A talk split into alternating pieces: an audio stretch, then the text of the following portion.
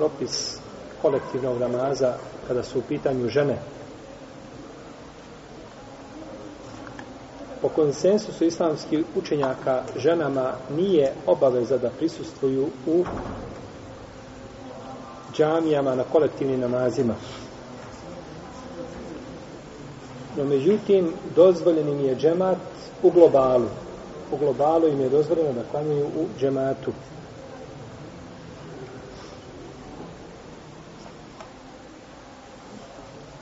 Međutim, namaz žene u njenoj kući je šta? Bolji nego u džamiji. Ako je namaz sahabike bio bolji u njenoj kući od džamije poslanika sallallahu alejhi ve selleme iza Allahovog poslanika kao imama onda nema te žene i nema te džamije osim mesdžidul harama a opet je propis isti da je bolja od onoga u čemu se nalazio ili poslanik sa osrem, odnosno sahabi tako da ovdje ne treba suditi sa emocijama nego treba suditi sa šerijatskim dokazima Namaz žene u džematu može biti posmatran sa dva aspekta ili se može obaviti na dva načina. Prvo da žena klanja ženama kao imam.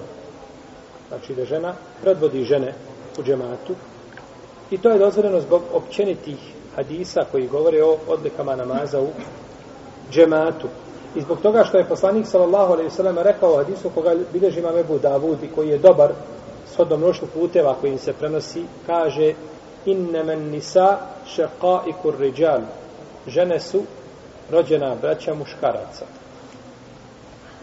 Znači, koju god ženu na ulici vidiš, možeš se rukovati sa njom, jer ti je ona šta?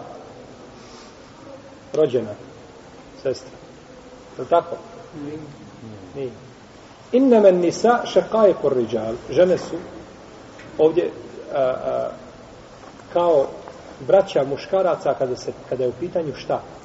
Propis, jer I ovo je dokaz jako onima koji kažu da nema razlike između namaza muškarca i žene. I da nema razlike u propisima između muškarca i žene. Iako ima jako puno propisa u kojima se žene razlikuju od muškaraca i imaju posebna dijela napisana na tu temu. To je s jedne strane. S druge strane, što nije došla zabrana da žene klanjaju džematu. Nije došla zabrana. I treća stvar, došlo je od određenih sahabiki da su klanjale u džematu. Pa tako bileži imam da rekutnija prorezak, imam el bejheqi, od Aisha radijallahu ta'ala anha, a u nam predaju prenosi Rejta el Hanefije.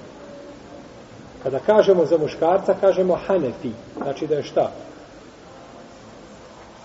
Šta je kada kažemo Hanefi? Hanefija. A kada za ženu kažemo Hanefije. Hanefijetun.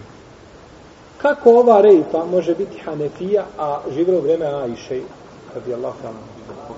Molim? Pokraj. Pokraj. To je, to je, to je u stvari jedno pleme. Pa ne mora, znaš tako da spomene Hanefi, da je to uvijek šta? Hanefijski. Hanefi. Da je sredbenik Hanefijske pravne škole, jer je bio jedan asad koji se zvao Semame ibn Ethal el Hanefi. Ashab Hanefi. Hanefijska pravna škola ili je iz plemena Hanife. Bio iz plemena, znači, Hanife.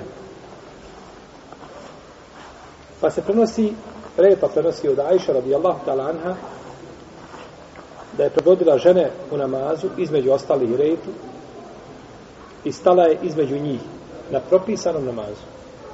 Pa žena kada predvodi žene u namazu staće u ravnini sa ženama. Tačno znači stane sa njima u saf. Neće se isticati van žena, taman bile same žene. Pa, taman bile same žene u prostoriji, neće se isticati, znači neće izlaziti kao imam istupati naprijed. I prenosi isto tako da reputnija Rezak imam al-Bejherti od Umu Seleme da je klanjala kao imam i da je stala u sredinu safa.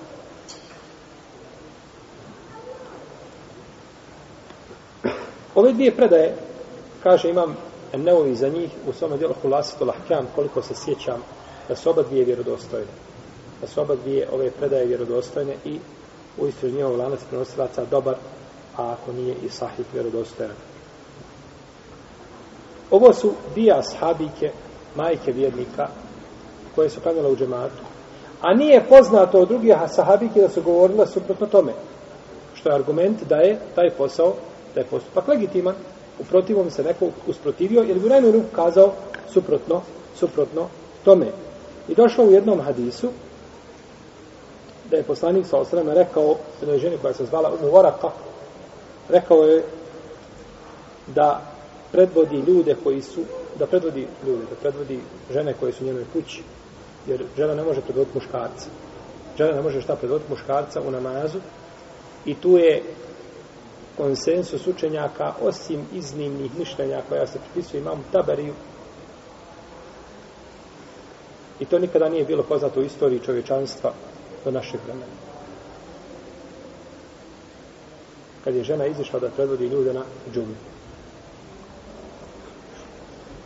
I to su musibeti koji se dešavaju kada ponestane sunneta i kada ponestane znanja, onda dođu neznalice pa govore o vjeri. Pa iziđe žena i predvodi ljude u namazu. No, međutim, ova predaja je i nije vjerodostojna. Jer prve dvije predaje su vezane za Ajšu i za Umu Seleme. Je li to hadis ili je postupak ashaba? i sahabike, kako hoćete. Postupak sa... Međutim, ovdje je hadis. Ovdje je on naredio da predvodi šta žene, a međutim, hadis je daiv.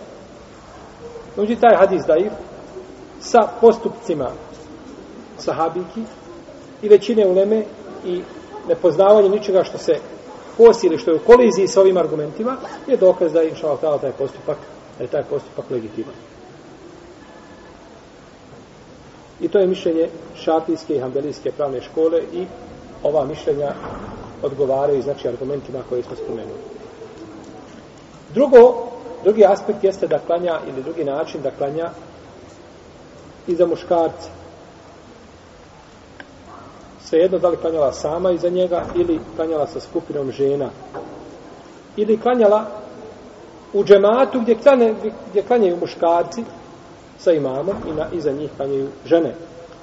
Jer je došlo su brojni hadisi koji ukazuju na tu činjenicu, kao hadis Enesa ibn Marika u kome kaže klanjao sam ja i jedan jetim iza poslanika, sa osadom klanjali smo, a iza nas je bila Umu Sulejm. Umu Sulejn bintu Milhan, njegova majka, radijallahu ta'ala anha.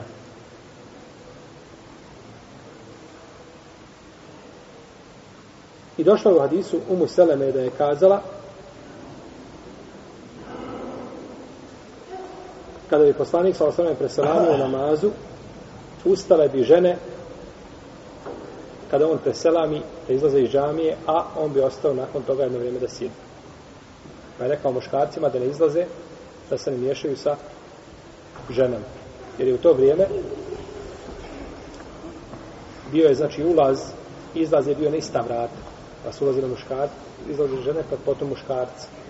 Pa je onda u vrijeme ovaj, Omara ta praksa promijenjena, pa je se napravljena, znači, posljedna data za žene.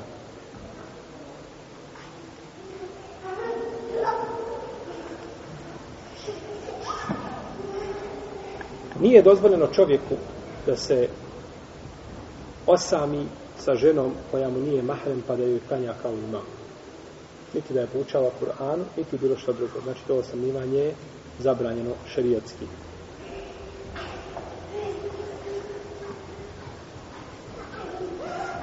Dozvoljeno mu je samo da klanja ženi koja je, znači, njegov mahrem.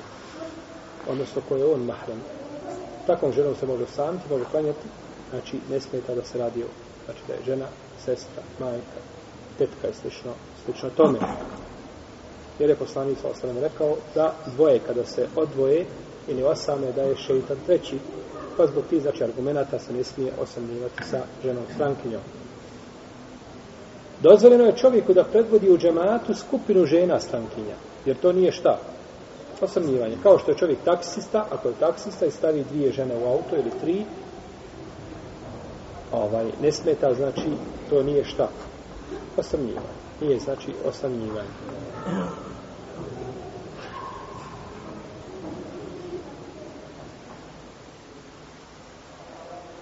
Ovo je svakako vezano za vrijeme kada čovjek se ne boji, znači, iskušenja, da će biti iskušan. Međutim, ko zna da je slabog srca i da se može lahko razboljeti, onda mu je preče da ne da preče, nego je obaveza da to ne čini. Znači da ne predvodi niti žene, niti da ima bilo kakav kontakt sa njima.